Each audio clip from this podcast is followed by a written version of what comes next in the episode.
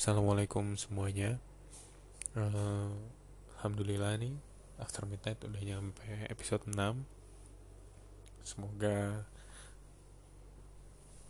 Pertanyaan teman-teman bisa kejawab.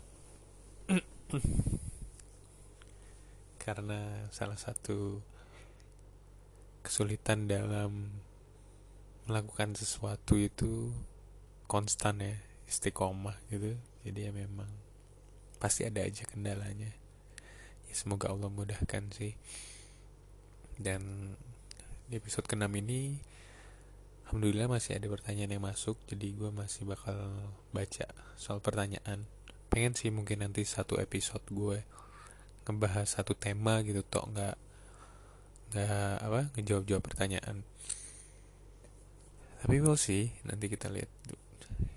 Nah uh, buat teman-teman lain yang mau input question atau suggestions masukan semuanya dan cerita bisa email ke after midnight at rdmd at gmail.com eh after midnight.rdmd at gmail.com insyaallah dibacain kalau ada waktu dan memang takdir dibacain. Nah ini ada email yang masuk berapa ini email pertama ini. Ini oh minta teman-teman juga kalau misalnya nulis email yang panjang gitu. Please ada enternya gitu loh dibikin paragraf. Jadi bacanya enak. Ini ada email masuk dia 17 baris nggak ada enter.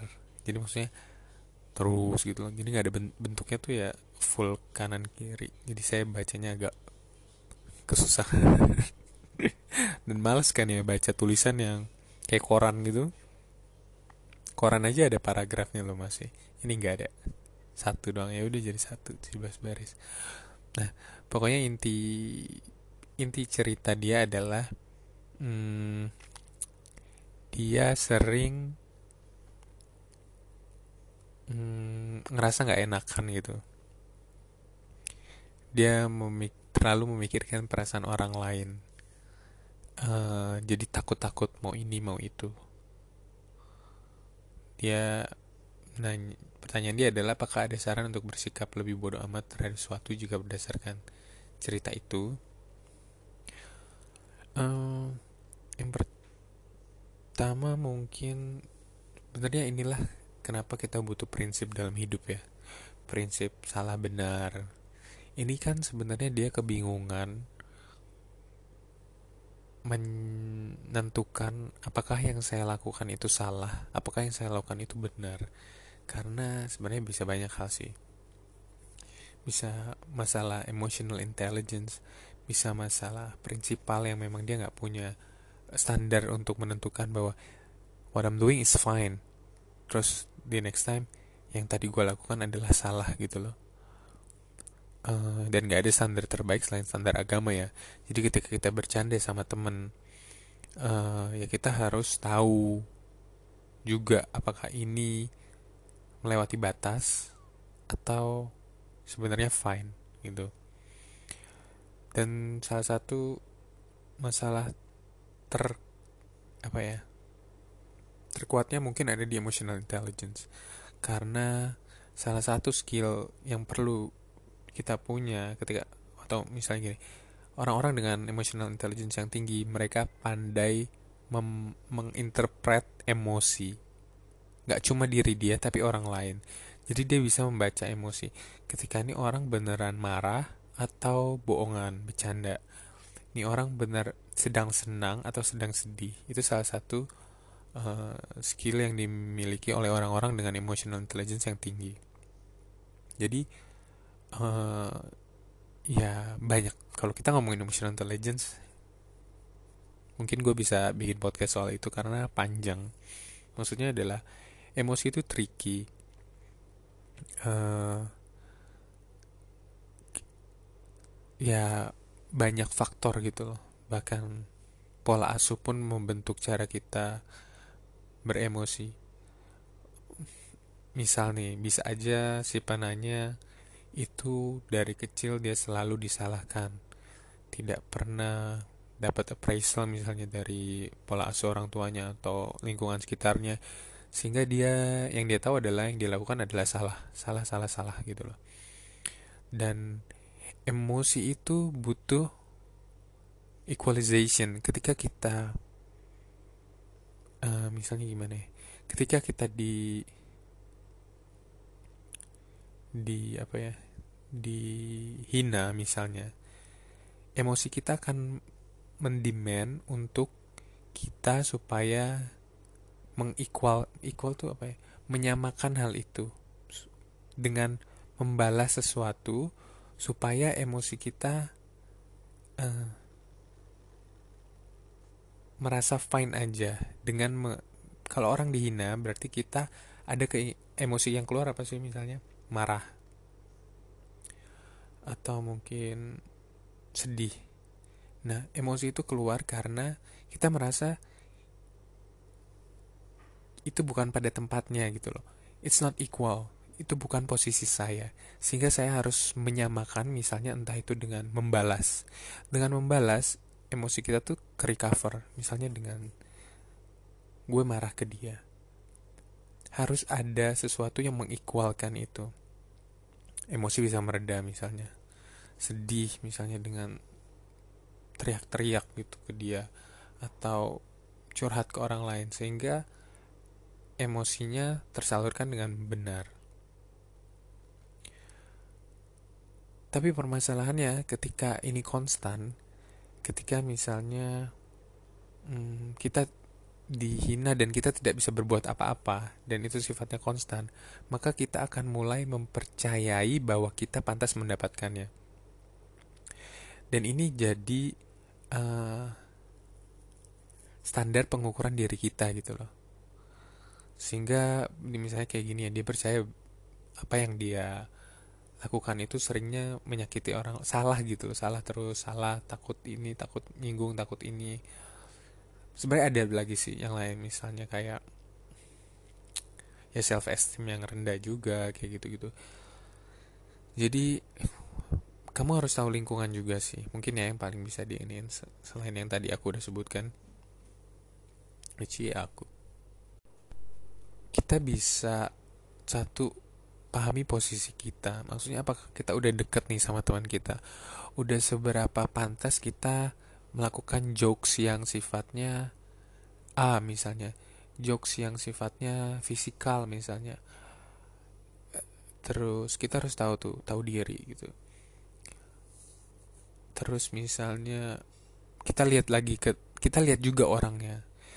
Kita lihat nih orang bisa nggak dibecandain bercanda yang seperti itu kita lihat aja dari interaksi dia ke orang lain misalnya misalnya dia orangnya yang loose gitu yang biasa aja yang nggak nganggep semua tuh serius. Berarti beda dong cara kita menteri dia dengan orang lain. Kayak gitu sih. Intinya kita harus peka dan belajar empati. Kita harus tahu nih orang nih kayak gimana kayak gimana. Dan ini nggak bisa instan ya harus. Ya dilatih kita lihat gimana orang lain interaksi kayak gitu-gitu sih salah satunya. Dan balik lagi harus punya standar. Memang kadang ada omongan-omongan yang menyakitkan ya. Jadi lebih baik kita diam gitu. Dan itu kita harus tahu juga. Ya begitu. Nah ini ada pertanyaan lagi tapi pertanyaannya singkat banget. Sebentar deh.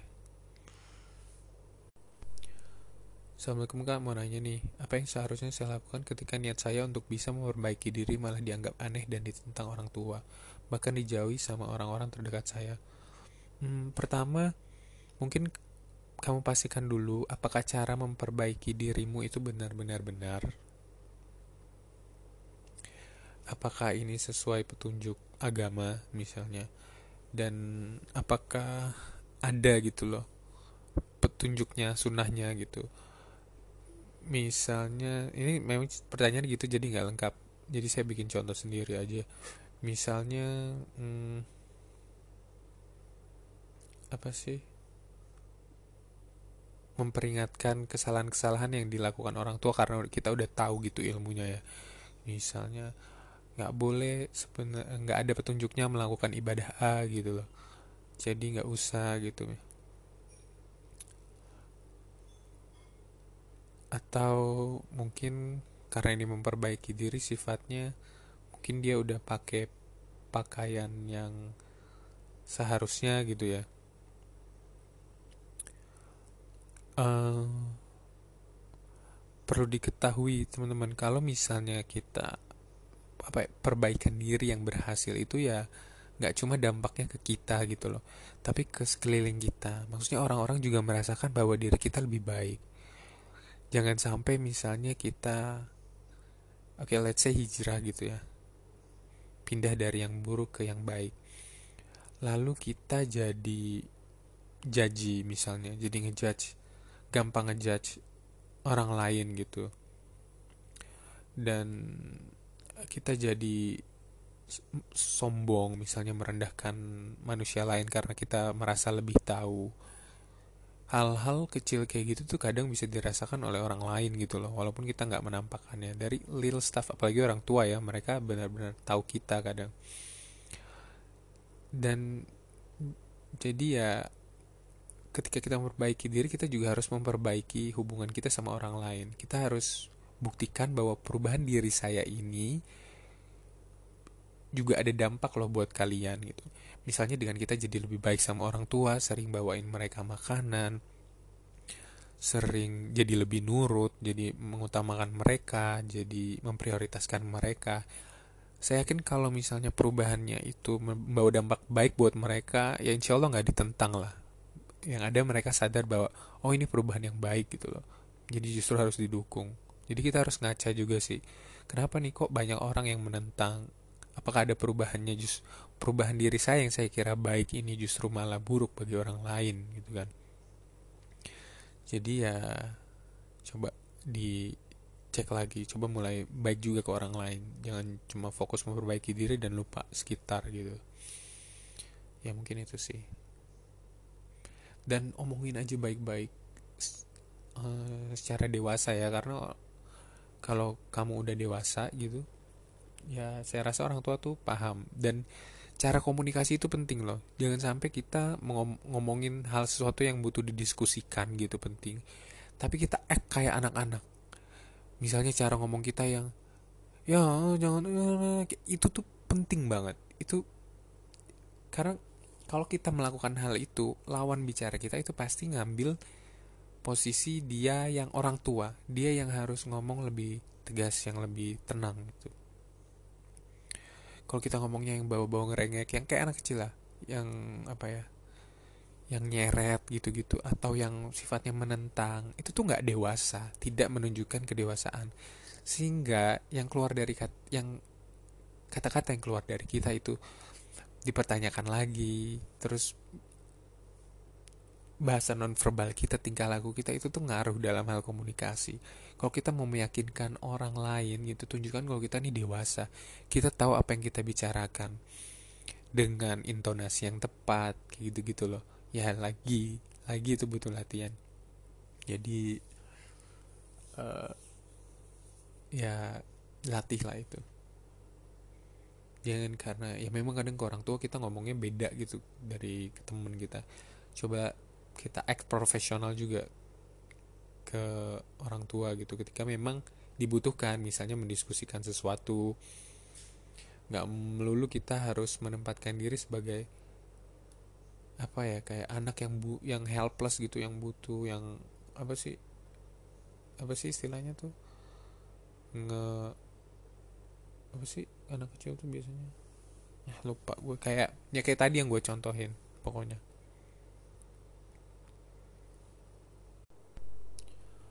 Nah, kita lanjut kali ya. Nah, ini. Assalamualaikum warahmatullahi wabarakatuh. Hai Kak Ardi. Semoga kakak selalu sehat dan selalu dalam lindungan Allah. Amin. Kak, nama aku bla bla dari bla bla. Kak, aku mau curhat soal ibuku yang sekarang mungkin mengalami waham kejar.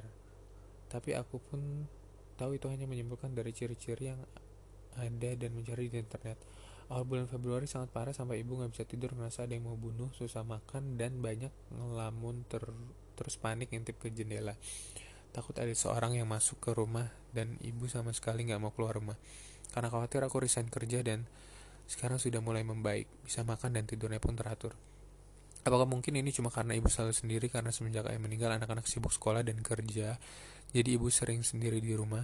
Apa nggak berbahaya jika nggak dibawa ke dokter? Karena ibu paling nggak mau anti banget sama dokter. Sekarang diajak keluar rumah pun nggak mau kak. Saran dari kak Ardi apa ya sebaiknya? Uh, waham kejar itu uh, saya harus mengingat-ingat lagi. Paranoid ya. Skizofrenik paranoid memang uh, kalau misalnya illness uh, penyakit-penyakit yang saya katakan ini ini ini salah satu penyakit yang bukan bukan sifatnya ini sifatnya udah udah illness gitu ya bukan bukan gangguan-gangguan yang kayak anxiety disorder bukan selevel-level itu lagi ya. Jadi biasanya ininya jelas simptomnya jelas. Kayak ketakutan yang berlebihan yang gak rasional. Uh, mungkin saya jelas jelas kalau misalnya sudah sejelas itu sampai uh, punya waham bahwa ada yang mau bunuh tapi tapi ketika kita tanya mungkin jawaban-jawabannya sifatnya apa ya tidak real mungkin ya besar kemungkinan tapi saya jelas tidak be, saya nggak punya kapasitas untuk mendiagnosa apalagi cuma dari email. Jadi jelas harus dibawa ke psikiater atau psikolog. Mungkin kalau takut ke dokter ya coba bawa ke psikolog dulu atau kamu yang ke ke dokternya sendirian lalu tanyakan bagaimana step-step yang harus diambil. Mungkin dokternya bisa ke rumah atau gimana. Uh, masalahnya ada masalahnya adalah orang-orang dengan waham atau penyakit-penyakit skizofrenik gini sebenarnya waham ini banyak ya. Gini skizofrenik ini banyak tipenya. Dan paranoid itu menjadi selalu menjadi salah satu paling enggak simptom di semua semua penyakit skizofrenik itu. Jenisnya banyak. Nggak banyak sih. Kalau nggak salah ada lima. Kalau nggak salah. Udah lupa. Dan uh, simptom paling utama dari semua skizofrenik adalah mereka punya ilusi dan delusi gitu loh. Del yang susah ini ya delusi ya jelas. Delusi itu artinya kayak gini. Mereka tidak bisa membedakan mana yang kenyataan mana yang tidak. Jadi ya uh, khayalan mereka pikiran-pikiran mereka itu mereka kira nyata gitu loh. Mereka nggak bisa distinct between ini nyata atau enggak mereka tidak bisa gitu. Mereka tidak tahu. Dan ilusi adalah uh, gangguan pada senses semua indera kita tuh. Misalnya dari yang tidak ada suara terus jadi kita kayak mendengar sesuatu kayak mendengar bisikan-bisikan biasanya kan gitu ya. Gangguannya tuh pada senses mata nggak ada apa-apa tapi kita merasa melihat sesuatu ilusi lah. Yang ilusi itu yang yang menyulitkan gitu loh dari orang yang terdiagnosa skizofrenia. Jadi butuh jelas butuh banget professional help. Kalau misalnya karena kita awam, tapi insya Allah lama kelamaan kamu bisa pasti jadi caretaker gitu loh. Dengan banyak banyak tanya ke psikolog atau ke dokter yang bersangkutan gitu loh cara taking care-nya gimana itu mungkin satu ya dua mungkin saya mau bilang ke penanya bahwa selalu ingat bahwa apa ya uh, patuh kepada orang tua itu hukumnya wajib. Sehingga yang dilakukan penanya ini sampai keluar kerja itu masya Allah banget insya Allah Allah membalas kebaikan ya kamu karena pasti nggak susah ya. Eh pasti nggak mudah sorry pasti susah gitu. Jadi apalagi ngurusin ibu yang punya penyakit kayak gitu. Dan ya pasti ada hikmah. Jadi kamu ya bisa dapat pahala dari insya Allah dapat pahala dari sisi itu. Maksudnya banyak orang yang nggak punya privilege kayak kamu dalam hal bisa ngurusin orang tua secara full gitu. Dan akhirnya ya nggak dapat keuntungan-keuntungan dari pahala itu. Jadi dan buat teman-teman lain yang mendengar semoga ini juga jadi pengingat kita untuk selalu bersyukur karena kita uh, tidak mendapatkan mungkin kita tidak mendapatkan musibah seberat yang bertanya ini. Dan uh, juga jadi pengingat bahwa kita juga harus berbakti sama orang tua gitu loh. Nggak harus nunggu mereka uh, sakit atau butuh bantuan yang ditujukan gitu. Karena kadang orang tua juga gengsi ya minta bukan gengsi sih mungkin kayak tidak mau memberatkan anaknya. Tapi udah kewajiban sih buat kita untuk berbakti sama mereka membantu mereka membuat mereka senang lah. It's our turn gitu. Jadi ya bersyukur dan dan syukur itu juga salah satu adabnya yang ditunjukkan ya dengan melakukannya di jalan kebaikan. Ya kita jadi harus jelas lebih berbakti sama orang tua. Ya gitu. Uh, oh dan se yang saya pelajari dulu ya salah uh, banyak penyakit mental salah satunya skizofrenia ini adalah genetis coba kamu cek di uh, apa ya namanya keluarga mungkin kak, uh, ibunya ibu apa sih apa sih kayak atas atasnya gitu ibu kamu dari nenek terus ke atas ke atas ke atas. Apakah ada gitu loh yang pernah atau mengidap penyakit ini gitu. Dan tapi mungkin kita masih ini ya. Banyak stigma. Yang jelas skizofrenia ini bisa kok maksudnya bisa stabil lah. Dengan treatment dengan bantuan professional help gitu insya Allah bisa. Jadi bisa hidup normal lagi lah cuma mungkin kayak gini nih kita perlu tahu pecetusnya. Yang men-trigger dia jadi keluar simptom-simptomnya. Misalnya kayak ketakutan berlebihan itu kita harus tahu tuh sehingga nanti next time bisa dihindari. Bisa dihindari supaya tidak tertrigger lagi. Ya insya Allah uh, banyak kok maksudnya. Orang-orang eh penyintas gitu loh. Jadi uh, ya ya gitu sih saran saya. Dan selalu berdoa sama Allah jangan lupa. Dan ingat yang kamu lakukan ini hal baik. Jadi jangan putus asa gitu.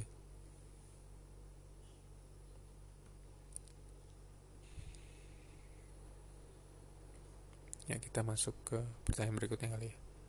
Udah mau 30 menit hmm, pertanyaan berikutnya Hai Kardi, aku anak perempuan dan tahun ini insya Allah bakal masuk kuliah. Orang tua nyuruh kuliah di kampus dekat, tapi aku menolak. Bukan tanpa alasan aku menolak mereka, tapi karena hubunganku dengan keluarga yang sering tidak baik. Ditambah lagi kami orangnya sama-sama gengsian untuk minta maaf dan nyapa duluan kalau habis berantem atau berbat gitu. Jadinya kita bisa nggak saling ngomong gitu dalam waktu yang cukup lama dan dalam Islam itu hukumnya nggak boleh kan iya menentang orang tua aja itu udah nggak boleh sih. Nah makanya aku lebih pilih kuliah di kampus yang jauh dan ngekos aja cari aman lah biar nggak terus-terusan berdebat sama mereka. Kalau di rumah biar hubungan kami juga nggak sering koslet aja. Kan kalau jauh-jauhan gitu yang ada kita malah kangen-kangenan hihi. Menurut Kardi gimana? Salahkah kalau menentang orang tua aku dengan alasan yang udah dijelasin di atas? Hmm, ya apa ya menurut saya sih pertama ini alasannya justru alasannya memang kurang berbobot ya. Maksudnya kalau misalnya memang pengen kuliah karena memang kampusnya bagus pendidikannya oke okay, gitu memang mau ngencer itu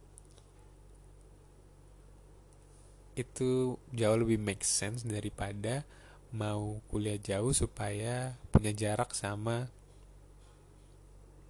keluarga. Karena karena ya belum tentu juga seperti kalau misalnya masalahnya itu solusinya bukan bukan harus jauh-jauh sama keluarga gitu ya harus perbaiki diri lah jelas. Gimana supaya keluarga bisa nerima kita? Ya nggak usah nungguin uh, nggak usah nungguin yang lain minta maaf duluan atau apalagi orang tua ya yang nggak bisa lah. Kita yang harus mengalah. Mereka orang tua gila apa yang lahirin kita yang yang apa ya yang ngurusin kita nih sampai bisa nulis email kayak gini nih. Jasa siapa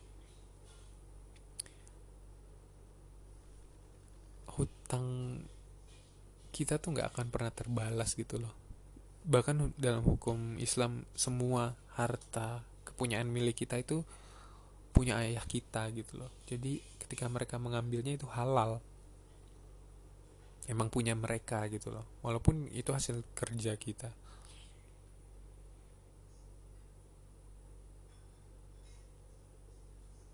Ya jadi ya solusinya adalah ya jadi berubah berubah menjadi anak yang berbakti bukan malah justru jauh gitu loh. Banyak di luar pertanyaan ini banyak mungkin yang merasa punya permasalahan sama orang tua misalnya kayak tadi tuh yang soal saya anggap itu hijrah ya karena dia berkata dia memperbaiki diri. Misalnya dia hijrah terus ditentang orang tua dan atau misalnya kita mau melakukan yang sesuatu hal yang sebenarnya baik dan kita tahu itu baik gitu. Tapi mungkin orang tua belum bisa menerima. Pertama berdoa. Berdoa supaya Allah mengubah hati orang tua kita kasih hidayah gitu loh supaya mereka uh, bisa tahu yang kita lakukan ini sebenarnya benar gitu sebenarnya baik gitu loh. Dan Allah itu bisa mengubah membolak balik hati manusia dengan mudah gitu loh. Dan orang tua kita kan manusia tuh. Ya kan di sini manusia kan orang tuanya. Jadi ya ya gitu. Kita bisa kita minta dulu ke Allah supaya misalnya melunakkan hati mereka supaya mereka bisa setuju sama kita. Itu satu. Dua kita tidak bisa apa ya expect mereka memperlakukan kita dewasa memberikan kita ke tanggung jawab penuh. Kecuali kita membuktikan bahwa kita sudah mampu gitu loh. Bahwa kita tuh sudah bisa. Gimana kita menunjukkannya? Ya berarti dengan act dewasa bahwa kita menunjukkan nggak cuma ngomong bahwa aku nih udah gede aku nih udah tapi ya tunjukkan bahwa tunjukkan dengan sifat dengan behavior kita tingkah laku kita kalau kita tuh memang udah dewasa. Kalau kita tuh udah memang bisa memutuskan keputusan sendiri. Kalau kita tuh bisa tanggung jawab dengan apa-apa uh, dengan tindakan-tindakan yang kita ambil gitu loh. Kita tahu konsekuensi dan kita siap gitu loh. Dan bukan lagi act kayak anak-anak yang kalau misalnya kita actnya kayak anak-anak yang apa ya yang sifatnya mendahulukan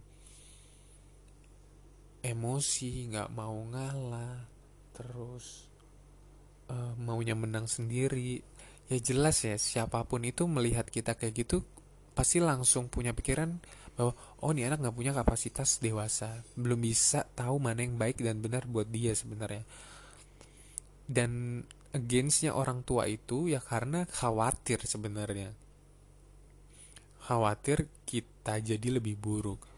Jadi kalau misalnya kita menunjukkannya dengan benar dan berdoa tentunya tapi ya itu ya awalnya kita harus tahu yang kita lakukan ini memang benar-benar benar. Insya Allah mereka akan menerima gitu loh. Jadi bukan cuma kita berubah terus kita tidak menunjukkan perubahan bahwa interaksi kita ke mereka gitu loh. Ya jadi sama aja. Dan orang tua akan selalu melihat kita sebagai anaknya gitu loh mau gimana pun. Ini itu wajar sebenarnya. Ya kita hanya harus menunjukkan bahwa kita ini sudah dewasa lagi-lagi dengan bukan cuma dengan kata-kata tapi dengan tanggung jawab yang kita lakukan bahwa kita nih udah bisa tak punya tanggung jawab lebih dengan kebaikan-kebaikan kita ke mereka bahwa nih saya sudah berubah saya bukan anak-anak lagi saya bisa melakukan kebaikan gitu loh tanpa disuruh tanpa diminta gitu. Dan ini sebenarnya berlaku ke semua orang sih nggak cuma ke keluarga ke orang tua. Mungkin keluarga dan orang tua itu paling sulit ya karena mereka tahu jelek-jeleknya kita. Mereka tahu kita dari kecil. Tapi ya gitu. Perubahan baik itu pasti butuh sacrifice yang lebih juga. Dan ini udah setengah jam. Mungkin udah ya udah empat pertanyaan juga. Makasih buat udah yang dengerin. Hidung, hidung saya mulai mampet. Jadi uh, lagi buat temen yang mau submit question stories atau suggestions bisa email di aftermidnight.rdmd@gmail.com insya Allah saya bacain. Semoga jawaban-jawaban tadi membantu. Kalau saya ada salah dalam ucapan mohon diingatkan bisa lewat email atau DM IG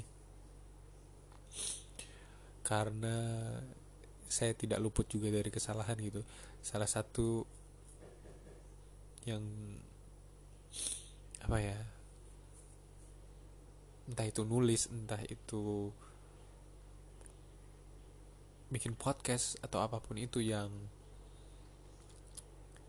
yang sifatnya memberikan solusi atau suggestion jalan keluar adalah ya takut salah gitu loh kita. Dan itu saya rasa wajar jadi buat teman-teman yang memang punya dalih atau dalil yang kuat bahwa yang saya ucapkan atau bicarakan salah saya mohon untuk diingatkan. Tapi ya jangan menurut saya itu salah ya menurut kamu ya. Ya kecuali kamu ya orang profesional ya memang pandai di bidangnya gitu. Itu pun ya harus dengan sumber pasti kan menurut saya salah karena berdasarkan bla bla bla ini bla bla bla. Menurut saya ya itu ya good luck. Ya itu aja mungkin. Uh, sampai jumpa insyaallah di podcast berikutnya. Ya assalamualaikum warahmatullahi wabarakatuh